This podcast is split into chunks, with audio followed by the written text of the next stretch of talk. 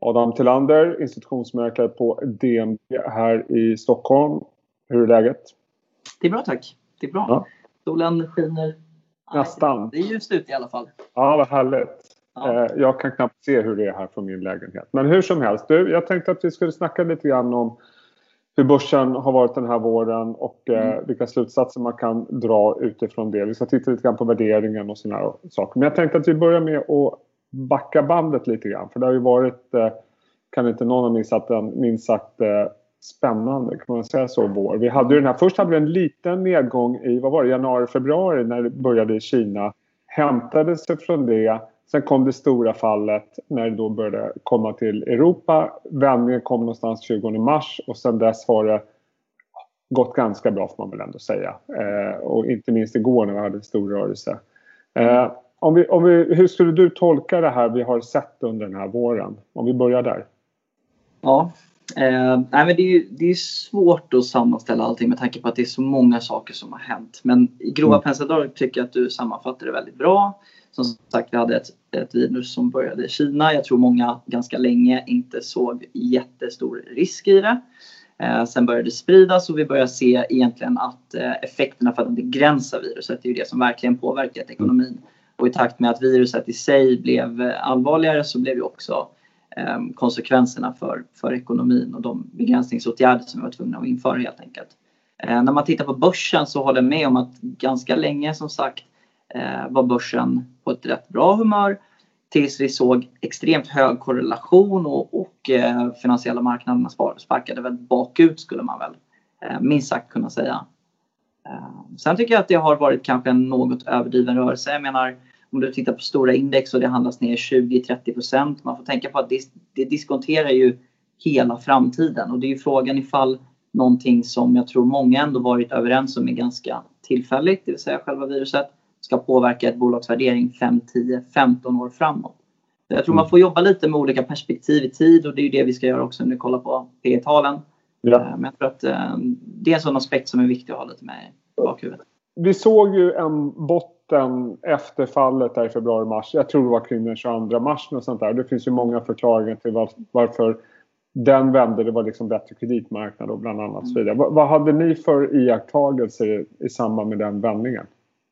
Ja, men det, som, det som stack ut då tycker jag och i efterhand har blivit väldigt tydligt var att det var ju en hög korrelation. Man sålde allting och det handlade väldigt mycket om att ta ner sin skuldsättning.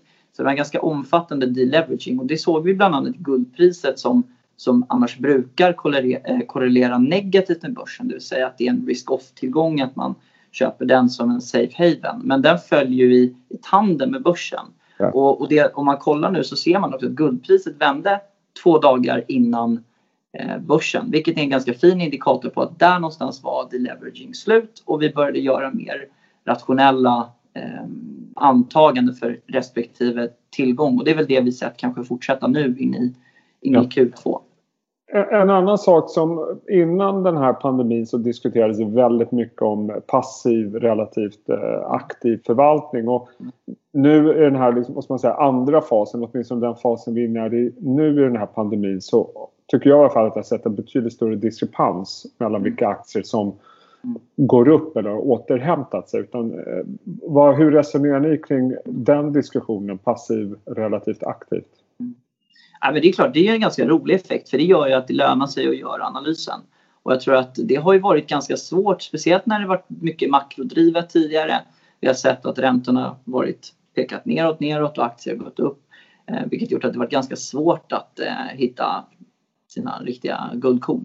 Men här tycker jag att eh, vi har alla fått chansen att tänka, är det rimligt att ett bolag med en lång logistikkedja och kanske dyra insatsvaror faller lika mycket som digitala eller eh, den typen av tjänster som inte påverkas. Och eh, i den typen av marknaden ska man ju vara en aktiv stockpicker tycker jag. Så jag tror att eh, 2020 kan säkert bli ett bra år för de som väljer den strategin. Och det finns ju som sagt fantastiskt många aktier som kom ner och var väldigt billiga ett tag. Så att vågade man blicka ut några år, vågade man köpa så tror jag att många har gjort rätt fina tre månaders performance eftersom man kunnat köpa dem så pass billigt vrida studsen upp.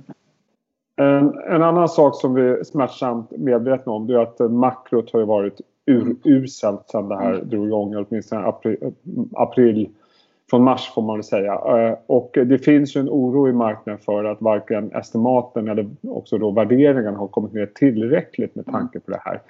Jag tänkte att vi skulle titta på paragrafer som du skickade till mig och vi börjar titta på värderingen och här får vi titta lite extra noga för det gäller P talet för OMXS 30 2020, 2021 och 2022, eller hur?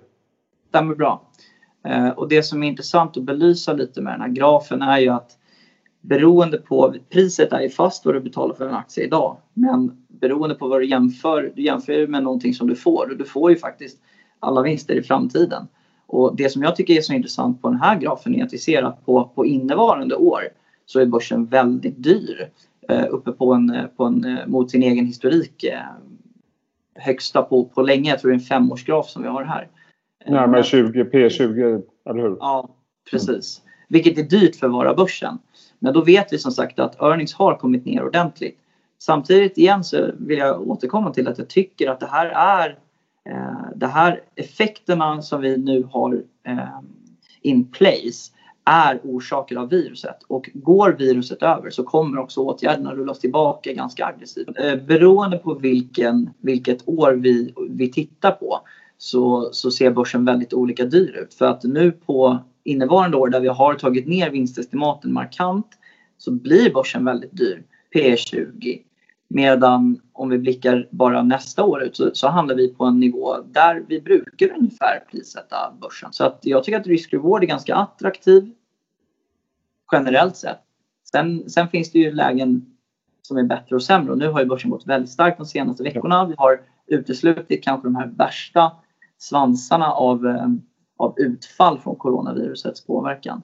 Så att, men, eh, men, men, då är ju frågan, för, för, det finns ju fortfarande en oro för just estimaten. Jag menar att estimaten kommer ner 2020, det är ju tämligen självklart får vi ändå säga. Men, men många tror ju liksom att estimaten behöver kanske komma ner även för 2021 och kanske till och med 2022. Men om vi tittar på den grafen du har och det är igen OMXS 30 och det här är framåtblickande estimat, eh, jag tror det är 12 månader, så ser det ändå ut som det har kommit ner en bit även för 2021. Så är det. Vi har gjort ganska stora justeringar. Så jag skulle inte vara jätteorolig för att det är klart att härifrån kan det röra sig om ytterligare 5-10 procent. Frågan är ju snarare är det här ett bra tillfälle att köpa aktier eller inte? Ska jag fortsätta äga aktier? Och eh, där tycker jag att fundamenta ser, ser helt okej okay ut. Med det sagt, det finns scenarion som är fortfarande väldigt negativa och de skulle kunna spela ut sig. Skulle man ha en spåkula skulle man ju veta men någonstans får man ju förutsätta att eh, man får sätta någon form av sannolikhet på alla de här scenarierna. Och då tycker inte jag att börsen är särskilt oattraktivt prissatt Eh, inte ens idag, även fast vi har haft ett rally här senaste tio dagarna. På Så att vi har rörelser sista tiden som inte du tycker är omotiverade. Vi har en värdering som inte heller är allt för hög. Eh, den utmanar inte allt för mycket. Hur går snacket på er mäklardesk när ni sitter och pratar om det här och blickar framåt? Vi tittar ju väldigt mycket aktiespecifikt. Mm. Och det är som sagt, det finns ju bolag som verkligen gynnas av det här. Det finns bolag som missgynnas man försöker förstå utifrån de här olika scenarierna hur kommer framtiden se ut? Och det är klart att det är väldigt mycket saker som är eh, rör, eh, rörande just nu, eller rörigt. Och eh, det är svårt att få en bra överblick, det är det. Men jag tror man kan göra så bra antaganden som möjligt och, och utgå från dem. Så vi tittar ju mycket på aktiespecifika idéer. Vi försöker fundera ut vad kan det här få för påverkan två, tre år ut. Och jag tror att det mesta som, de, de, mycket är lågt hängande frukt. Ja, nu kommer folk i år, Husqvarna eh, lär gå starkt, Byggmax lär gå starkt för att folk är hemma. Eh, ja. Men jag tror det man vill göra är ju att blicka ut något år eller två för att det är kanske där nästa rörelse ligger. För de här initiala rörelserna har ju redan belönats rätt bra. Och eh, du pratar ju med förvaltare varje dag. Vad skulle du säga att bilden är där? Min känsla är att det har aldrig varit så splittrad Mm. bild. Att det finns otroligt många åsikter om vart vi är på väg. Vad skulle du säga är den generella bilden? Ja, men det, är nog en bra, det är nog en bra poäng. Jag tror också många är man, man är ödmjuk för att det finns mycket som kan hända fort. Det har vi på något sätt blivit väldigt eh, påminda av i den här krisen. Men överlag skulle jag påstå att folk ser jag tror det är viktigt att påpeka att de förvaltarna vi pratar med ja. förvaltar en portfölj, de har bra kontakt med bolagen. Och när du pratar med individuella bolag så märker du att de flesta hanterar den här situationen helt okej. Okay. De är ute på golvet, de snackar med kunderna, de snackar med leverantörer. Man jobbar runt det. Så jag tror att förvaltar man en portfölj, har man gjort det ett tag, känner man de bolagen, så tror jag att man kommer landa i att mina bolag kommer klara det här helt okej. Okay. För som sagt, det har varit relativt lätt att plocka bort de, eh, de som påverkas allra mest negativt. Och då tänker jag framförallt kanske på hotellkedjor och flygbolagen. De har, de har ju drabbats eh, tufft och det har man ju behövt ta i beaktande. Men, men tolkar jag rätt som att förvaltarna man har gjort sig av med det självklara och nu sitter man och håller lite grann på det man har gillat sedan tidigare. Men vågar man gå in och fiska i nya aktier och köpa nya saker som man inte tidigare haft i portföljen? Ja, men det tror jag. Jag tror mm. att det, det, det är ett bra tillfälle att utmana sina teser. Och då tror jag man också kommer komma fram till att det finns eh, Eh, case där ute som man har sett över eller att det är mycket som har förändrats. Så att egentligen är det, jag tror att själva yrket i sig är nog eh, ganska likt bara att det är väldigt mycket som, som händer på en, på en daglig bas. Så man måste försöka släppa de grejerna och eh, ta in ny information hela tiden och göra små justeringar för att vrida det här så bra som möjligt. Och eh, avslutningsvis Adam, eh, några aktier som ni har tittat lite extra på senaste tiden som ni tror är eh, bra att ha i det här eh, läget vi befinner oss? vi gillar ju verkstad. Vi tycker att det är attraktivt i den bemärkelse att tittar du på börsen nu så är vi på, på fem år så är vi flat.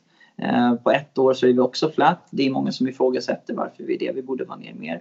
Men så som jag ser det så är PMIs, nu kommer vi ha ett riktigt dåligt 2020 här. Själv är jag ganska positiv på 2021 och 2022. Och det innebär att du köper verkstad på på, en, på, en earnings, eh, på ett earningsår som är eh, förhoppningsvis en eh, botten eller en troff.